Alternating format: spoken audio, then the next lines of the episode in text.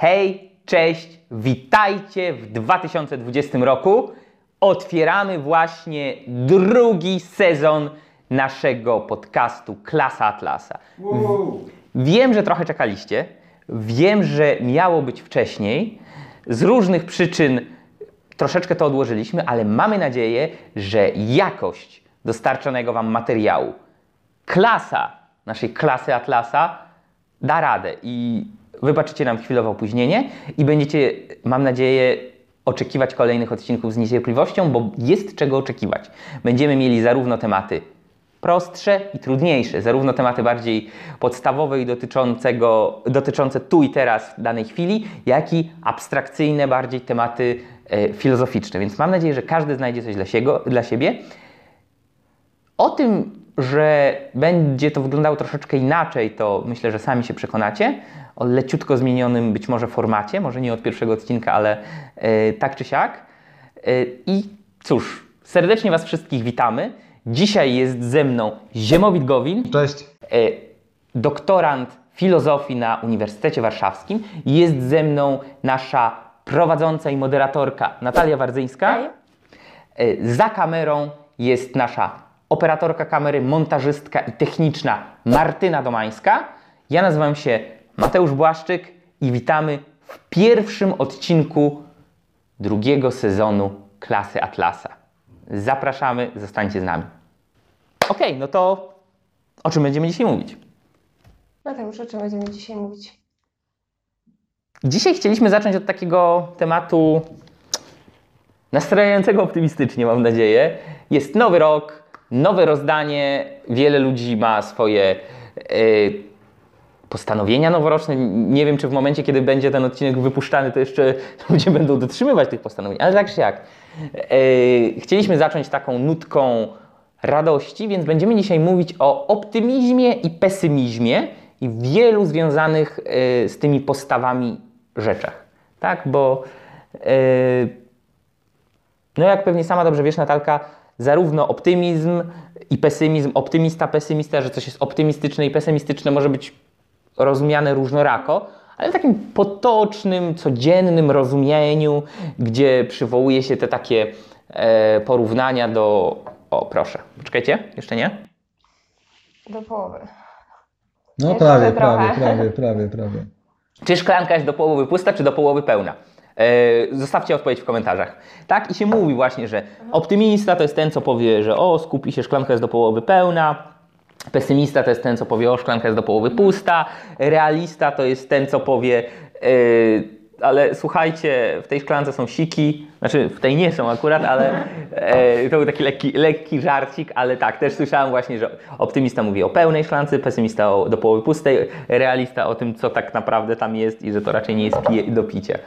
E, chcieliśmy trochę w dzisiejszym odcinku odkręcić e, znaczenie tych słów, nie do końca, bo część z takiego potocznego rozumienia e, jak najbardziej będzie nadal zasadna. Natomiast chcieliśmy spojrzeć na to szerzej, głębiej i właśnie z bardziej filozoficznego punktu widzenia.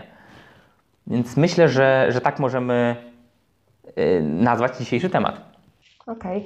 E, Mateusz, jak potocznie rozumie się e, słowo optymizm, optymistyczny, pesymizm, pesymistyczny, pesymista, optymista? No właśnie chodzi o to, że y, potoczne rozumienie jest takie dosyć dychotomiczne i dosyć takie upraszczające sprawy. Rzekomo optymista to jest ktoś, kto patrzy tak dobrze na świat, praktykuje jakąś e, psychologię pozytywną, tak, don't worry, be happy e, i to zakrawa o taki e, tak zwany efekt polianny. To jest e, odwołanie do takiej e, postaci z e, książki bodajże z przełomu XIX i XX wieku o Polianii, z początku XX chyba, bo to jest mniej więcej wtedy Sanie z Zielonego Wzgórza było opisane.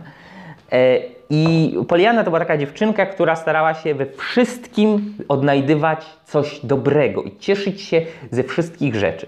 I ona była tam taka generalnie pogodna, wesoła, starała się patrzeć optymistycznie na życie, ale do kultury efekt Polianny wszedł jako synonim patrzenia na świat przez różowe okulary. Wszedł jako synonim udawania, że coś jest dobrze, nawet jeśli wiemy, że nie jest. Czyli jakby ignorowania naszej racjonalnej oceny sytuacji, danego człowieka, danego zachowania, danego zjawiska w ten sposób, że ignorujemy jego najważniejsze elementy, yy, jego essentials, to co po angielsku się nazywa essentials, które są generalnie złe i niekorzystne, i skupiamy się na jakichś przygodnych detalach, które są teoretycznie dobre i napawają optymizmem. Tak więc yy, to jest bardzo często potocznie w ten sposób się rozumie optymizm, że optymista to jest taki naiwniak, albo przynajmniej osoba, która zamyka oczy udaje, że nie ma czegoś złego i, i, i, próbuje mówić, nie, nie, nie, nie, wszystko jest dobrze. A pesymista to jest właśnie taki ktoś, kto patrzy na wszystko przez ciemne okulary, że jest wszystko, świat jest do bani, że jest kiepski. I zazwyczaj pesymizm utożsamia się z byciem no, realistą. Że ktoś, kto realistycznie patrzy na świat, no to jest też pesymista, tak? No bo świat jest właśnie kiepski, do bani. E, przecież mamy tyle wojen i, i, i, dyktatur na świecie, i terroryzm, i choroby, i ludzie umierają, jest dużo cierpienia. Więc jeśli ktoś trzeźwo patrzy na świat, realistycznie stara się yy, wszystko obserwować w zgodzie z tym, jak naprawdę jest, a nie jak chciałby, żeby było, no to siłą rzeczy musi być pesymistą. Ja bym powiedział, że to jest taki takie potoczne rozumienie, że optymista może i ma trochę weselsze życie, ale musi udawać, musi, musi zmyślać przed sobą ten świat, e, patrzeć przez te różowe okulary, wchodzić w ten efekt Polianna, a pesymista to jest ten taki realista, patrzy ale, na ten świat, no ale świat nie jest taki, jaki być powinien, więc yy, popada w cynizm, w pesymizm, czasami nawet w nihilizm. W najkrótszym sposób tak bym to podsumował. Ziemowit? Y, no, w pewnym sensie, oczywiście to jest prawda, że pesymista jest często utożsamiany z osobą, która patrzy na świat takim, jakim jest, ale tak naprawdę moglibyśmy powiedzieć, i sądzę, że z naszej perspektywy wygląda to tak, że tak samo jak ten optymista, który zakłada różowe okulary, e, zakrywa pewną część rzeczywistości, czyli wady pewnych ludzi, ignoruje to, że są pewne zdarzenia, które faktycznie powinniśmy ocenić jako negatywne, tak samo pesymista ignoruje to, co jest pozytywne i wszędzie doszukuje mhm. się e, złego. Czyli z, czyli z jednej strony on widzi, tak jak, opty, tak jak optymista widzi dobre rzeczy, e, ale myśli, że wszystko jest e, dobre, tak pesymista widzi faktycznie te rzeczy, które są złe, ale dodatkowo próbuje te złe rzeczy też na inne sfery w jakiś sposób przełożyć. Tak, i myślę, że to jest takie, takie częste i proste utożsamianie, utożsamienie, że właśnie realizm i racjonalne spojrzenie na świat to oznacza takie odarcie ze złudzeń, yy, jeśli chodzi o człowieka, świat, moralność, wartości, że tak naprawdę to wszystko nie ma sensu, nie ma celu, to już jest taki dalej posunięty pesymizm zakrawający o nihilizm, ale faktycznie często to yy, w tym kierunku zmierza. E, I jakby same te postawy, optymistyczna albo pesymistyczna wobec świata, mm, albo jakieś wariacje na temat między nimi, e, to są postawy. To jest coś, co człowiek decyduje, mniej lub bardziej świadomie, bo czasami to po prostu jakoś wynika, ale to są postawy, które człowiek przyjmuje i które może przepracować. Tyle, że tak jak my mówiliśmy wcześniej o moralności i o wielu innych rzeczach, e, tak tego typu postawy nie są jakimiś abstraktnymi faktami oderwanymi od wszystkiego, tylko no, muszą bazować na czymś, co faktycznie jest. Muszą bazować na rozpoznaniu rzeczywistości. Więc zanim się zastanowimy, czy bardziej zasadny w życiu jest pesymizm, czy optymizm i jak je rozumieć, to warto się zastanowić, co my wiemy na temat świata, który nas y, otacza, jaki on jest i której wersji, której z tych postaw bardziej skłania. To Ziemowit tak, to znaczy, zanim może nazwiemy te, e, te dwie wersje, musimy powiedzieć, że częstym błędem ludzi, to znaczy, może powiedzmy najpierw o tej samej dychotomii, co o niej sądzimy. Uważam, że jest to dychotomia e, nie do końca pomocna. To znaczy, obie te dychotomie mówią o dwóch postawach, które w jakiś sposób świat próbują e, albo polepszyć, w przypadku e, optymisty, albo pomalować na czarno w przypadku e, pesymisty. Błąd, ten wspólny błąd, który popełniają ludzie z obu tych postaw, jest taki, że przede wszystkim oceniają z punktu widzenia tego, z punktu widzenia takich e, kategorii jak dobry, zły, właściwy i niewłaściwy świat. Czyli coś, co jest, coś, co istnieje niezależnie od nas, niezależnie od czyjegokolwiek wyboru, jako złe lub dobre. I tak na przykład e, pesymista może stwierdzić, że no, człowiek jest śmiertelny, a zatem świat jest zły. No tylko, że śmiertelność człowieka nie jest niczyim wyborem, nie jest czymś, co my możemy ocenić. To nie jest coś, co mogło się nie stać. Taka jest natura e, rzeczywistości, taka jest natura świata, że człowiek jest bytem śmiertelnym i każdy e, organizm żywy z konieczności jest bytem śmiertelnym, więc zawsze ten kres jakiś nadejdzie. I z tego punktu widzenia mówienie o tym, że świat jest zły, że świat jest złowrogi, ponieważ my jesteśmy śmiertelni, jest po prostu pewnym błędem kategorialnym, pewnym też błędem e, natury poznawczej, ponieważ my próbujemy ocenę działań człowieka, sposób w jaki oceniamy działania człowieka, przełożyć na ocenę świata i nagle się okazuje, że e, świat jest zły. To samo w przypadku jakichś takich e, katastrof, które są, nie, są niezależne od nas. Moglibyśmy powiedzieć, że świat jest zły, ponieważ istnieje prawo grawitacji i nie możemy sobie swobodnie latać. Więc jest Albo są wulka wybuchy wulkanów i trzęsienia ziemi. tak, albo jakieś e, tornada. Więc to jest pierwszy błąd, który, który, który pesymiści, ale też optymiści e, popełniają, czyli próbują oceniać z punktu widzenia e, dobra lub zła to, co po prostu istnieje niezależnie od nas, czyli tą obiektywną e, rzeczywistość. Natomiast e, w jaki sposób, mm, jak moglibyśmy nazwać osoby, które patrzą się na świat jako na coś złego, jako na coś takiego niepoznawalnego, e, coś, czego powinniśmy się bać, i przede wszystkim, które patrzą się na człowieka jako na istotę, która nie może osiągnąć sukcesu, która nie może osiągnąć szczęścia. Tak, bo jest wiele takich e, osób, są nihiliści, którzy mówią, że życie nie ma sensu, Macie Artura Schopenhauera. na przykład, że nieważne co zrobimy, i tak będziemy nieszczęśliwi. To są osoby, które e, wyznają świadomie bądź nie coś, co można nazwać przesłanką złowrogiego świata. Przesłanka złowrogiego świata mówi, że natura człowieka jest taka, że on nigdy nie będzie szczęśliwy, że zawsze będzie skazany na niepowodzenie z różnych powodów. Te powody mogą być, mogą, możemy się na przykład e, odwołać do wspomnianego już przez Mateusza e, Schopenhauera, zgodnie z którym nawet jeżeli dojdziemy do czegoś, do czego chcieliśmy, to w momencie, gdy do tego dojdziemy, już nie widzimy w tym żadnej wartości, chcemy jeszcze więcej. I w taki sposób nigdy, nigdy e, nie zaznamy szczęścia, ponieważ wiecznie będziemy, wiecznie nam będzie czegoś e, brakować, ale też ten pesymizm może wynikać z tego, że ktoś uważa, że człowiek, że nie ma czegoś takiego jak obiektywny cel w życiu i z tego powodu e, i taka jest konstytucja świata i człowieka, że nie ma tego e, celu, tej, tej, tej jakiejś drogi i tego e, końca, no więc z konieczności człowiek i tak nie może szczęścia e, osiągnąć. Albo wręcz, że sama natura człowieka jest zła, że człowiek jest zły z natury, skażony, zepsuty. To może być zarówno w wersji e, religijnej, że jest e, skażony grzechem pierworodnym albo czymś podobnym, albo w wersji, nazwijmy to sobie, e, świeckiej, e, że po prostu coś w tej naturze jest, że, że człowiek na przykład dąży do agresji. To jest bardzo częste e, w przypadku osób, które zajmują się e, historią wojen że oni mówią, że po prostu w człowieku jest taki pierwiastek, który musi znaleźć ujście, nikt nie ma na to e, wpływu i człowiek dąży do tego, żeby krzywdzić innych, żeby pokazywać swoją wyższość, gnębić ich i tak dalej. Wojny muszą zawsze wybuchać, e, co jest o tyle paradoksalne. Myślę, że o tym będziemy mówić też w innym e, podcaście, w jednym z kolejnych a propos tego, co metafizycznie dane, a tego, co stworzone przez człowieka.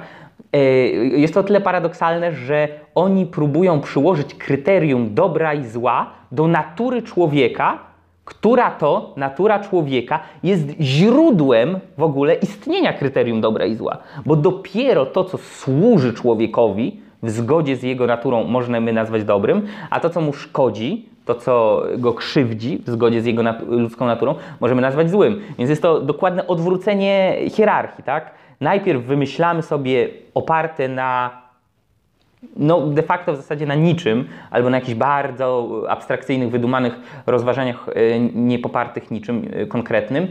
E, dobro i zło najpierw sobie wymyślamy, a potem próbujemy oceniać z tej perspektywy, tak jak Zimowit powiedział, świat, czy tak jak ja właśnie teraz mówię, naturę człowieka. Odwrócenie e, porządku rzeczy.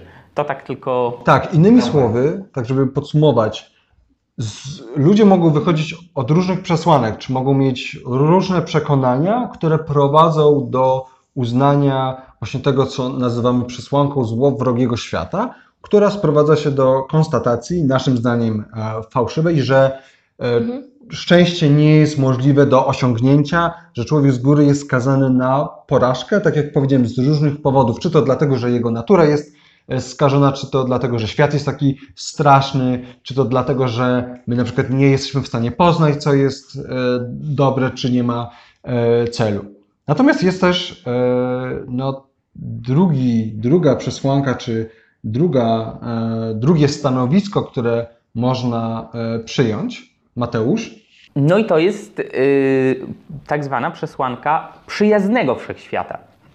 To jest przesłanka yy, przeciwna do tej pierwszej, tylko trzeba dokładnie zrozumieć, co obie te przesłanki znaczą. No to skoro teraz powiedziałem o przyjaznym wszechświecie, co to znaczy? Bo ktoś może zacząć całkiem zasadnie po usłyszeniu samego tego terminu mówić, no to jakieś takie, takie właśnie naiwne, infantylne e, pol, poli, polianizmy tutaj nam wchodzą. No więc przesłanka przyjaznego wszechświata e, to nie oznacza, że wierzymy w jakieś bóstwa, w opatrzność, w nadprzyrodzone siły, w jakieś niewyjaśnione, supernaturalne y, zjawiska, w jakieś byty, które czuwają nad człowiekiem i opiekują się nim, albo czuwają ewentualnie nad całą ludzkością. To nie znaczy, że my naturę i świat jako taki antropomorfizujemy i e, personifikujemy, czyli nie chodzi o to, że my uważamy, że istnieje jakaś matka natura, yy, czy że świat ma jakiś własny rozum i że świat dąży do jakiegoś racjonalnego, wszechświat jako taki, nie, nie, nie ludzie, tylko wszechświat jako taki dąży do jakiegoś racjonalnego celu, który jest mu wyznaczony albo który sam sobie wyznaczył yy, i w ramach tego celu troszczy się o żywe stworzenia czy o ludzi. To nie znaczy, że wierzymy w los czy przeznaczenie które ciągnie nas ku czemuś lepszemu. I to nie znaczy właśnie, że świat jest świadomy i ma jakiekolwiek plany, cele dążenia wobec nas, bo świat po prostu, świat w rozumieniu wszystkiego, co jest, wszechświata, e, istnienia jako takiego, po prostu jest, tak? Ten, ten stół z czegoś tam się składa, można go na coś przerobić i tak dalej, ale on po prostu jest. Materia i energia w tym wszechświecie po prostu są, tak? Zasada, zachowana energi- zasada zachowania energii e, no, została powszechnie przyjęta, jest prawdziwa, tak? Jest określona ilość energii we wszechświecie, którą można przetwarzać, ale tyle. E, więc tym wszystkim przesłanka przyjaznego wszechświata nie jest. No to może warto powiedzieć w takim razie, czym jest, tak? Skoro powiedzieliśmy, że to nie chodzi o, ani o zawierzenie jakiejś nadprzyrodzonej istocie, ani o jakąś matkę naturę, ani o to, że wszechświat ma wobec nas jakieś cele postawione, tylko czym jest. Czym jest? E, przede wszystkim jest powiedzeniem, jest konstatacją, że szczęście tu na Ziemi jest dla człowieka możliwe do osiągnięcia, że sukcesy są możliwe do, osią do osiągnięcia. Nie znaczy to, żeby jeszcze raz wrócić do tego, czym ta przesłanka nie jest. Czy już wiemy, że nie chodzi o wszechświat, który się z nami troszczy, to nie jest tak, że on jest dosłownie przyjazny. To jest tylko pewna nazwa na stanowisko, które mówi, że człowiek, że ja, że każda jednostka, każdy i każda z nas może do szczęścia dążyć i może je I osiągnąć. że przynależy do tego świata. Tak. Że jest jego częścią, że to nie jest tak, że wszechświat działa przeciwko niemu. Tak. A, ale je- jeszcze mogę tylko nie mówić. Oczywiście. Ja się absolutnie zgadzam, tylko ja bym powiedział, że jest coś jeszcze bardziej fundamentalnego w tej przesłance, jeszcze zanim dojdziemy nawet do kwestii szczęścia. E, Przede wszystkim, e, jeśli przyjmujemy przesłankę e, przyjaznego świata, przyjaznego wszechświata, to chodzi o to, że świat rządzi się pewnymi prawami. Czyli są jakieś zasady, które go opisują.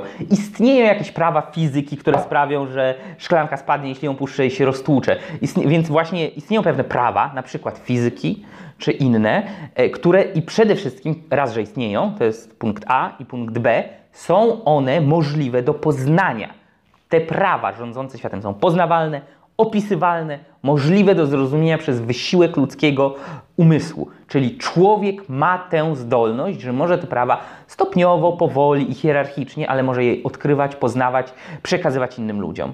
Yy, I druga rzecz, czyli świat nie jest jakimś niepoznawalnym, dziwnym bytem, tak jak w przesłance złowrogiego wszechświata. I druga rzecz, że yy, przesłanka przyjaznego wszechświata za, zasadza się też na tym, że my, jako ludzie, rozpoznajemy że wszystko, co istnieje, podlega prawu tożsamości, o którym już trochę mówiliśmy i będziemy mówić na pewno później, czyli i prawu przyczynowości, e, a ludzka świadomość ma możliwość poznawania tożsamości rzeczy, czym one są i rozumieniu zależności między nimi. Co to znaczy? Czyli, że my jesteśmy w stanie stwierdzić, że to jest jakiś obiekt, my sobie go nazwiemy szklanką, że on ma jakieś właściwości, z czegoś jest, my je możemy poznać, zbadać i tak dalej, i że on wchodzi z innymi obiektami w jakieś relacje i te relacje są przyczynowo-skutkowe. Jakaś przyczyna prowadzi do jakiegoś skutku, my to możemy zrozumieć, pojąć i wykorzystać także we własnym życiu.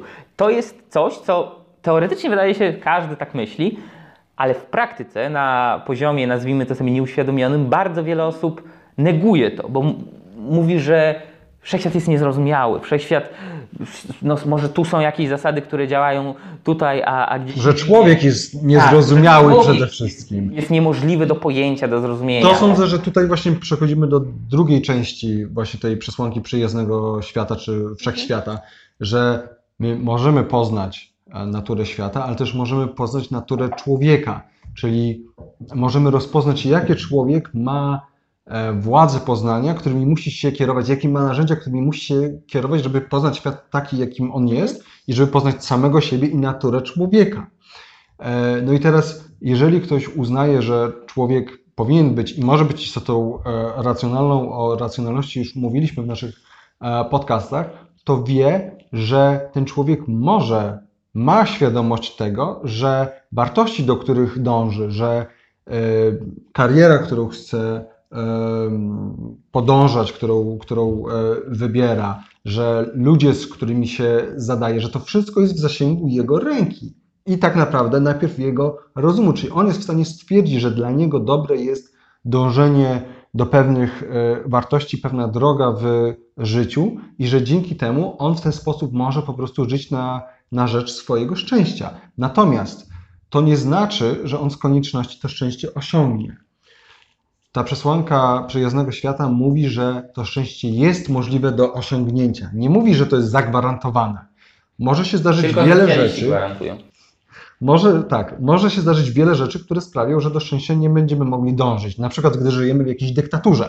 Jak żyjemy w jakiejś e, dyktaturze, no to siłą rzeczy e, nasze wybory są bardzo ograniczane. Możemy nagle trafić do obozu e, koncentracyjnego, ktoś może nas po prostu e, zastrzelić zupełnie bez powodu. Ale też nie w dyktaturze może się nam zdarzyć jakieś, jakieś nieszczęście Tragedia, wypadek. jakaś tragedia. Natomiast pomijając kwestię tragedii, nagłych wypadków i życia w jakiejś e, dyktaturze, szczęście jest możliwe do osiągnięcia. Tylko oczywiście, żeby to zrobić, trzeba sobie uświadomić, że człowiek przede wszystkim jest bytem, jest, e, jest tą substancją, która faktycznie e, potrafi zdefiniować sobie odpowiednią Tak. hierarchię wartości i on wie, do czego dąży. I wie, i to nie jest tak, że on wybiera jakąś pracę, czy jakichś znajomych, bo mu się tak to przydarza. Oczywiście, je, jeżeli, jeżeli on to zrobi, to nie będzie szczęśliwy, bo on będzie się do tej pracy e, przymuszał, ci przyjaciele tak naprawdę okażą się niezbyt e, przyjaźni, e, ale to wszystko wynika z jego wyborów. E, I on ostatecznie dojdzie do konkluzji, że w sumie świat jest złowrogi, że szczęścia Tak. właściwie osiągnąć nie można. Ale jeżeli wyjdzie się od, i jeżeli człowiek będzie miał świadomość, że on może poznać świat, że ten świat rządzi się pewnymi e, prawami, że on może poznać siebie i on wie, w jaki sposób ma do szczęścia dążyć, w jaki sposób tworzyć hierarchię e, wartości i jakie wartości wybrać, to on będzie wiedział, to on będzie tak, tak naprawdę na tej drodze do e, szczęścia. Nawet jeżeli coś się może zdarzyć, co sprawić, że tego szczęścia nie osiągnie. To prawda. I za chwilkę podniesiemy kolejne pytanie. Y, Chwila przerwy. Ja chciałbym tutaj jedną rzecz jeszcze taką zauważyć, która myślę, że w ciekawy sposób może pokazać, dlaczego przesłanka przyjaznego wszechświata jest prawdziwa, a nie złowrogiego. I to zasadza się trochę na tym, o czym mówiliśmy wcześniej. Tak jak mówiliśmy, człowiek, aby żyć, musi osiągać wartości, tak? Musi je zdobywać, musi je zachowywać, utrzymywać, mieć. Yy, takie wartości jak jedzenie, picie, schronienie, ubranie, ochrona przed drapieżnikami, ale tak samo takie wartości jak swoje miejsce w społeczeństwie, przyjaciół, pracę, e, coś, co, e, dzięki czemu będzie mógł się utrzymać i tak dalej, i tak dalej, i tak dalej. Więc to jest jedna rzecz. Te wartości człowiekowi do życia są potrzebne. Materialne, duchowe, intelektualne, wszelkie. Druga rzecz. Te wartości, tak jak już też mówiliśmy, nie są dawane człowiekowi automatycznie. To nie jest tak, że z nieba mu spadnie manna. E, To nie jest tak, że ma instynkt, który mu zapewni e, znalezienie pożywienia. To nie jest e, tak jak jakieś zwierzęta inne niż człowiek. To nie jest tak, że będzie mógł przeprowadzić proces fotosyntezy. Tak? Wystarczy, że ma wodę i światło i automatycznie będzie mógł żyć i kwitnąć. Nie. Człowiek musi wykorzystać, tak jak mówiliśmy to już wielokrotnie, swój umysł, aby rozpoznać, co słu- służy jego życiu, odnaleźć te wartości, zdobyć je, zachować i móc dalej się rozwijać i dalej żyć. I surprise, surprise, człowiekowi się to jakoś udaje. W sensie, chodzi mi o to, spójrzcie, siedzimy sobie e, w ciepłym pomieszczeniu z oświetleniem, e, nagrywamy sobie coś na mikrofon, pijemy sobie wodę, co prawda z kranu, ale jednak, e, i mówimy do Was, a Wy możecie to sobie oglądać na własnych komputerach czy smartfonach Czy iPadach. czy iPadach, to jest nie wprost, ale to jest jednak dowód na to, że wszechświat nie jest skierowany w jakiś magiczny sposób przeciwko człowiekowi, bo mimo tego, że nic, co jest potrzebne człowiekowi do przetrwania, nie jest mu dane automatycznie, to jednak człowiek trwa. Jednak ludzie żyją. Mamy 7 miliardów ludzi na świecie w tej chwili, jakoś tak. Yy, w ciągu ostatnich dekad ponad miliard ludzi wyszło ze skrajnego ubóstwa i tak dalej, i tak dalej, i tak dalej. Oczywiście ktoś mi powiedzieć, no tak, ale jednak ludzie umierają, jednak są choroby, jednak są wojny. Tak, to prawda. Yy, dlatego podkreślamy, że przyjazny wszechświat to nie jest wszechświat, który wszystko nam daje za darmo i się do nas uśmiecha ze, z wysokości słoneczka, ale jest to wszechświat, który my możemy poznać, zrozumieć, działać w nim i dzięki swojemu rozumowi, dzięki wykorzystaniu e, materiału z tego wszechświata wokół nas, możemy żyć, możemy poprawiać swoje życie i tak dalej. To jest pierwsza taka, jakby powiedziałbym, nie wprost dowód. E, I drugim e, takim dowodem, już takim trochę bardziej humorystycznym, jest przykład firm ubezpieczeniowych. Mm, Czyli gdyby świat faktycznie był e, bardziej złowrogi niż przyjazny, to istnienie e, firm ubezpieczeniowych byłoby głupie, bezcelowe w, zasadzie. Bo jeśli wszystko częściej szłoby źle niż dobrze, to one by zbankrutowały, tak? E, No bo wyobraź sobie, Natalia, na przykład, że e, one ubezpieczają od pożarów mieszkań, tak? od pożarów domów. No i strzelam, to są liczby z głowy wymyślone, ale na 10 ubezpieczonych domów y, 9 nie stanie w płomieniach, a ten dziesiąty się spali.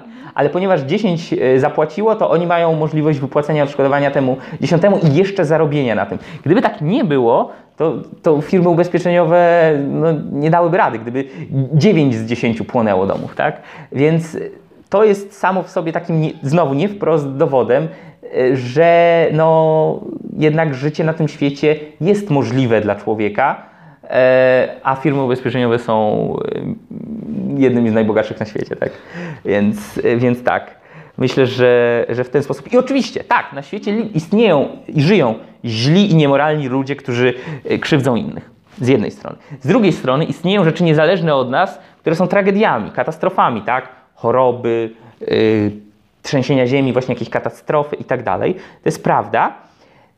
Tylko, że, i to jest bardzo ważne, te rzeczy nie konstytuują ludzkiego życia. One nie są esencją tego, kim jest człowiek. One nie są normą. Tak, one nie są normą. Dokładnie. Yy, I nie jest to oczywiście też wynik jakichś nadprzyrodzonych złych mocy, które sprzysiężyły się przeciwko człowiekowi, mm, tylko jest to coś, czemu człowiek w jakiś sposób może próbować się przeciwdziałać. Tak? Jeśli ktoś jest przestępcą i morduje ludzi, możemy powołać policję albo zatrudnić detektywa, aby go znalazł. Jeżeli yy, wydarzy się powódź, możemy zbudować tamę yy, i tak dalej, i tak dalej. Yy, A przesłanka złowrogiego wszechświata, tak aby podać, mówi dokładnie odwrotnie, tak? czyli że tam się uznaje, że światem e, tak naprawdę nie rządzą prawa natury, a nawet jeśli rządzą, to nie możemy ich poznać. My nie jesteśmy w stanie ich zrozumieć. E, przesłanka złowrogiego wszechświata mówi też, że ludzkie władze poznawcze zwodzą człowieka. Tak? Będziemy o tym mówić, jak będziemy mieli odcinek o zmysłach, między innymi poznaniu zmysłowym, że zwodzą człowieka, albo oszukują go, albo nie są wystarczające e, do zrozumienia świata i przekształcania go na nasze potrzeby, że coś jest nie tak, że, że na przykład nasze, nasze zmysły to coś tam nam niby mówią, ale to jest, to jest jakieś tam echo echa tego, jaki jest prawdziwy świat, tak? E, przesłanka złowrogiego wszechświata może się też opierać na uznaniu, że istnieje jakieś coś, jakiś fatum, los, przeznaczenie, nienawistni bogowie, jak w starożytności, co aktywnie działa przeciwko ludzkiemu życiu i szczęściu. Bardzo często na tym opierały się antyczne tragedie greckie. Tak? No, król Edyp jest taką klasyczną postawą, klasyczną, klasycznym przykładem. On się starał robić wszystko, aby nie spełniła się najgorsza z przepowiedni i mimo, że naprawdę próbował na wszystkie możliwe strony, los zadecydował inaczej i tak musiała się spełnić, bo takie jest właśnie fatum. No i y, ci, którzy są zwolennikami przesłanki złowrogiego wszechświata, negują osiągnięcia, y, negują osiąganie w ogóle wartości służącej życiu i szczęściu. Y, negują po pierwsze, że to jest moralny cel człowieka, właśnie dlatego, że mówią, że moralność albo, albo nie ma moralności, albo moralność to polega tylko na ciągłym samopoświęcaniu się i tak dalej, albo mówią, no tak, no okej, okay, no E, taki Bill Gates zbudował Microsoft, a Steve Jobs Apple, e, a ktoś tam inny YouTube, e, a ktoś inny wynalazł szczepionkę na tą czy inną chorobę. No i co z tego? No i co z tego? No to są jakieś drobne przykłady, ale nadal, nadal ludzie giną, tak? No ja, kiedy powiem, w ciągu ostatnich dekad ponad miliard ludzi wyszło ze skrajnego ubóstwa, no tak, ale nadal są biedni, umierający z głodu ludzie w Afryce i tak dalej, i tak dalej, i tak dalej.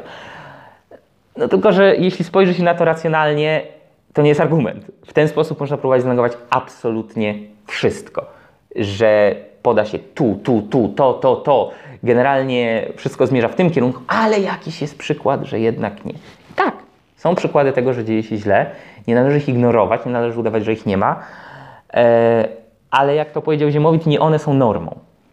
Tak, one nie są normą mhm. i też myślę, że warto tutaj dodać to, że często osoby, które wyznają e, tę przesłankę złowrogiego świata, e, kierują się często przekonaniem, że człowiek rodzi się już zdeterminowany, że on jest zdeterminowany do określonego zachowania, do określonych wartości, że on zawsze będzie taki, jaki był, że jest albo przez geny, albo przez e, wychowanie, przez jakąś grupę, do której należy jakąś grupę, nie wiem, etniczną, albo jeszcze jakąś inną.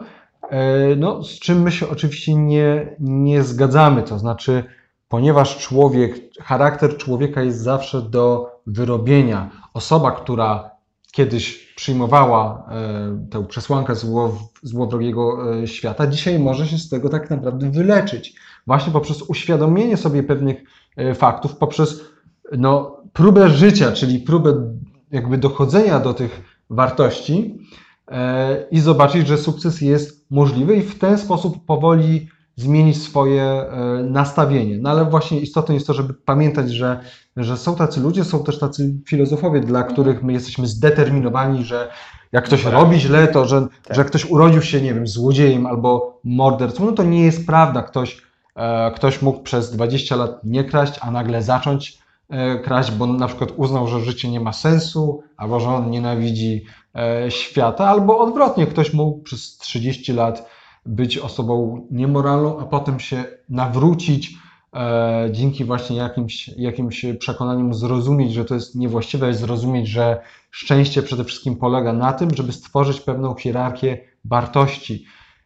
Szczęście, tak jak już mówiliśmy kiedyś, to jest stan niesprzecznej radości, czyli stan, e, w którym nie ma sprzeczności pomiędzy naszymi dążeniami, pomiędzy naszymi E, wartościami. I to nie jest coś, z czym się rodzimy, tylko to jest coś, co musimy osiągnąć i to jest coś, co jest do e, osiągnięcia. Ponieważ jest to do osiągnięcia, to znaczy ja mogę uznawać, mieć taką e, hierarchię wartości, w których nie ma sprzeczności między nimi. To nie jest tak, że moja droga, że moja kariera się kłóci z moim byciem ojcem, albo moja przyjaźń z jakąś osobą się kłóci z moim byciem osobą racjonalną. Tak? Nie jestem. Eee, żeś musiał mi teraz przeszkodzić. E, w każdym razie konkluzja jest taka, mhm. że E, Ponieważ stworzenie tej racjonalnej, spójnej hierarchii wartości jest możliwe i to jest coś, dzięki czemu osiągamy szczęście, to szczęście jest możliwe do osiągnięcia. Więc też to, to już jest taki argument bardziej e, filozoficzny, bo też szczęście, wbrew temu, co myślał Schopenhauer, nie polega na tym, że ja napiję się wody, o, i to jest moje szczęście. Szczęście jest pewnym procesem, to jest pewne ciągłe, aktywne działanie, ponieważ życie jest pewnym procesem. To nie jest tak, że życie nagle staje i to też nie jest tak, że Tak. szczęście, że... To jest takie ja- bardzo platońskie myślenie albo... To jest przede wszystkim myślenie schopenhauerowskie, że Ale że jest jakiś, jakiś ideał, który musi być zamrożony, tak? O, o to mi chodzi, że... że jak ja raz w niego wejdę, no to dlatego To już on, koniec. No, dlatego story. on się odwoływał do nirwany, no, do tych filozofii wschodnich, że to chodzi o jakąś taką, e, jakiś taki brak jakiejkolwiek działania. No Tak, wiemy, tak. wiemy, czym jest, jest- wiemy, czym jest y, nirwana. I, i, i myślę, że to jest problem wielu ludzi, że patrzą się na szczęście jako właśnie taki stan, w którym nic się nie dzieje, ja po prostu odczuwam szczęście. No nie, to Tak, w ogóle, że patrzą na szczęście jako na stan przede wszystkim, a nie na proces przede wszystkim. Na stan taki tak, tak, na stan albo czasami na jakiś taki chwilowy Flow. Na, na flow, albo też na jakiś taki przedmiot. Także szczęście jest wtedy, kiedy mam dziesiątkę dzieci. Ja właśnie przechodzę na przesłankę złowrogiego wszechświata, bo moja szklanka jest w całości pusta. E, ale tak, chciałem jeszcze tak mocno i dobitnie podkreślić to, co powiedział Ziemowit, e, Ale mocno, ale mocno. mocno. Bardzo mocno. Szczę- życie człowieka, działanie człowieka, dążenie do wartości, praktykowanie cnót, osiąganie swoich celów, szczęście wreszcie, to nie jest bezruch. To nie jest stan raz osiągnięty, kiedy wszystko będzie tak, jak chce- chcemy, tak jak perfekcjonista chciałby sobie poukładać wszystkie e, klocki e, ze swojego pudełeczka Lego albo wszystkie puzzle i jest idealnie i już ja teraz mogę się płacić w swoim szczęściu. Nie. E, Jak to zawsze mówił mój ojciec, ruch to życie, bezruch to śmierć. Więc warto w ogóle zmienić e, swoje spojrzenie e, na, mówiąc tak już bardziej e, te, terminologicznie, na procesualne, tak? Czyli w sensie życie, działanie, świat, wszystko co robimy, to, że my teraz nagrywamy te podcasty, to, że wy ich słuchacie, to, że coś z nich wyniesiecie albo nie, to jest pewien proces. To jest coś, co działa, co działa, idzie do przodu, rozwija się, zmienia, mamy alternatywy, które możemy wybrać. I to wszystko jest elementem tego szczęścia, i to wszystko jest elementem rozpoznania tego e, przyjaznego wszechświata jako faktycznie przyjaznego w takim rozumieniu, jakim mówiliśmy, e, a, nie, a nie czegoś złowrogiego. To nie jest tak, że my musimy dojść do jakiegoś punktu i tam wszystko będzie dobrze. W sensie, jeśli ktoś w ten sposób rozumie szczęście, jeśli ktoś w ten sposób rozumie cel człowieka, e, jeśli ktoś w ten sposób rozumie, jak to wszystko powinno być, to będzie wiecznie nieszczęśliwy. To ja gwarantuję, bo to, to jest niemożliwe. To jest, to jest No, dlatego Schopenhauer doszedł do takiej Tak. konkluzji, że szczęście nie jest możliwe. Spójrzcie na nasze podcasty. Przepraszam, że taki przykład podaję. Nasza operatorka kamery, montażystka i techniczna, Martyna, e, na początku umiała zrobić jakieś pierwsze proste e, rzeczy w tych podcastach, umiała je złożyć, zmontować i tak dalej. Potem e, zobaczyła, jak można robić różne fajne przejścia, jak w, momencie, kiedy coś nie działało, wrzucić jakieś zdjęcia, jak zrobić podpisy, jak zrobić efekty dźwiękowe, na przykład w odcinku o e, racjonalnym egoizmie i tak dalej, i tak dalej. I powoli coraz bardziej, coraz lepiej uczy się obsługi Kamery, programów. kamery, programów i tak dalej, co mam nadzieję, że daje jej też satysfakcję, bo nam na pewno daje. My, sami. Ja z Ziemowitem na początku mu- mówiliśmy, no tak, trochę e, dużo było y, różnych zająknięć i tak dalej. Staramy się, aby było to coraz lepiej. Natalka, która w pierwszych podcastach mocno się denerwowała, zdecydowanie jest mniej zestresowana teraz niż była e, wcześniej. Oczywiście tak, to nie jest teraz e, dowód, dowód, e, że wszechświat jest przyjazny, ale moja propozycja spojrzenia na to w inny sposób. I to spojrzenie w inny sposób e, przechodzi na to, co ja e, nazywam, co my mam nadzieję nazywamy racjonalnym optymizmem. Czyli jednak optymizm, Tak. ale nie przez różowe okulary, tylko racjonalny. Nie, nie naiwny, nie, e, nie optymizm ala ten efekt polianny, tylko nie chodzi o to, żeby się skupić na myśleniu o rzeczy tylko przyjemnych i pozytywnych, tylko spojrzeć na świat takim, jakim jest. Tak? Jesteśmy tacy, jacy jesteśmy. Ja mam 1,68 m, a nie 1,80 m, jakbym chciał mieć. Nie wiem, czy powinienem to mówić na tym. E, Także pozdrawiam wszystkie moje fanki. Niestety pewnie jesteście wyższe ode mnie. E, o ile jakieś istnieją.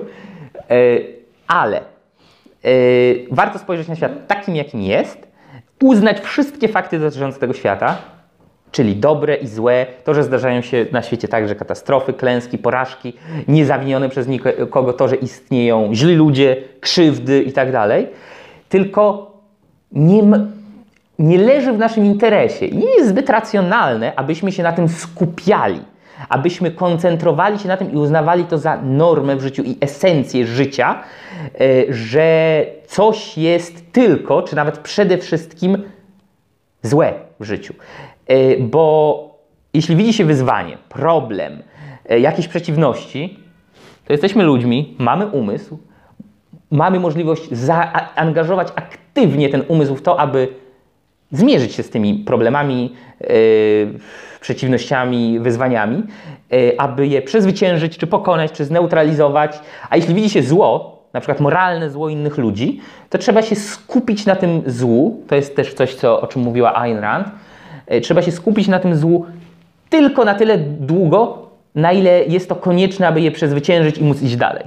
Czyli jakby, ja bym to podsumował w takiej zasadzie, e, zawsze lubiłem to powiedzenie zresztą, psy szczekają, a karawana jedzie dalej. W tym porównaniu my jesteśmy Czasami karawaną. można je zastrzelić. Tak, czasami te psy ujadają tak głośno albo próbują nas gryźć, że trzeba odgonić je kopniakiem, albo nasza operatorka kamery i montażystka jest wielką fanką psów, więc przepraszam, możemy zmienić to na szakale, hieny, cokolwiek, to nie ma znaczenia. W każdym razie te psy tutaj symbolizują nie psy jako psy, tylko e, Złych ludzi. złych ludzi i wszystkie możliwe przeciwności. Nie, my, karawana i my w naszym życiu ma, mamy swoje cele, do których zmierzamy, a wszystkie te przeszkody, w tym źli ludzie, e, to są tylko faktycznie problemy, faktycznie wyzwania, faktycznie przeszkody, ale coś, co my możemy przezwyciężyć i iść dalej. Nie skupiamy się na tym. Właściwie tak, jeszcze chciałem jedną rzecz.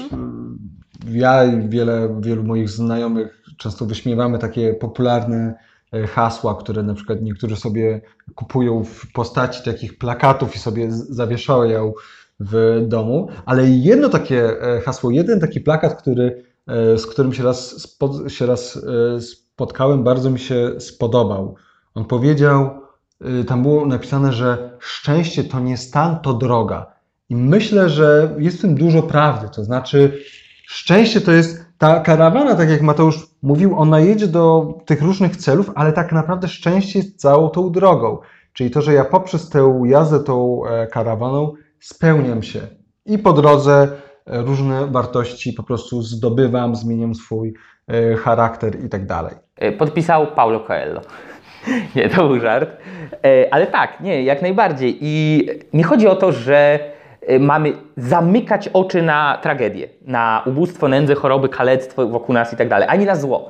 Tyranię, jakiś totalitaryzm, wojny, przestępczość, tylko widzieć to wszystko znowu w kontekście. Kontekście świata, w kontekście tego, co może być i do czego możemy dążyć, jak możemy to zmienić, mówiąc krótko, w kontekście możliwości poprawy ludzkiego życia. I optymizm, wydaje mi się, że a propos tego, co się Moje powiedział, bardzo stracił też na tym, że urosła ta kultura e, tak zwanego coachingu e, i bardzo wielu, nie mówię, że wszyscy, ale bardzo wiele osób zaangażowanych w ten tak zwany ruch coachingowy trywializuje to wszystko i sprowadza do banałów i, i, i ludziom aż się nie chce słycha- słyszeć. Tak na przykład Pij wodę. y, filozofia pozytywnego myślenia, tak? Myśl pozytywnie, czyli myśl pozytywnie, a świat się zmieni tak, jakbyś chciał. E, Albo ostatnio nawet e, jest podobno dość popularne takie myślenie, że właśnie nasze myślenie, nasze wyobrażenia o świecie zmieniają ten świat w taki sposób, aby ten świat służył naszym celom. Prawo przyciągania. Prawo przyciągania, tak, dokładnie. Nie. nie na tym polega Działa? przesłanka e, przyjaznego wszechświata, że my będziemy chcieli, żeby coś było tak bardzo chcieli i to się stanie. Nie, po prostu polega na rozpoznaniu tego, że my możemy myśleć, możemy decydować, możemy działać, możemy wprowadzać swoje plany e, w życie i możemy wreszcie cele osiągać i możemy wreszcie osiągać szczęście. E, Tutaj tylko jedna taka polecajka ode mnie. Niekoniecznie związana tym razem z Ayn Rand. E, Jest taka książka e, Johanna Norberga, e, Progress, jest przetłumaczona na polski, Postęp, 10 powodów, by z optymizmem patrzeć w przyszłość. To są tam konkretne dane, które pokazują, jak świat rozwijał się w ostatnich dekadach, mimo wszystkich problemów. Mimo tego, że jeszcze nie tak mieliśmy jedną trzecią świata pod butem sowieckim, mimo tego, że mamy terroryzm tak i tak dalej. Jak świat rozwijał się w dobrym kierunku i jakie są elementy, które możemy patrzeć i faktycznie powiedzieć, spojrzeć z optymizmem na, na życie i świat, bym tak powiedział. Super. To myślę, że tym optymistycznym, racjonalnie optymistycznym Tak. akcentem możemy zakończyć dzisiejsze spotkanie. Dzięki wielkie. Wielkie dzięki. Pierwszy odcinek Klasy Atlasa w drugiej serii. Mam nadzieję, że Wam się podobało i że e, będziecie czekać na kolejne. E, Jeszcze raz dziękuję Wam wszystkim i dziękuję Ziemowitowi Gowinowi, Natalii Wardzyńskiej, Martynce Domańskiej I samemu sobie. i ja mam na imię Mateusz Łaszczyk. Hej, Cześć. do zobaczenia.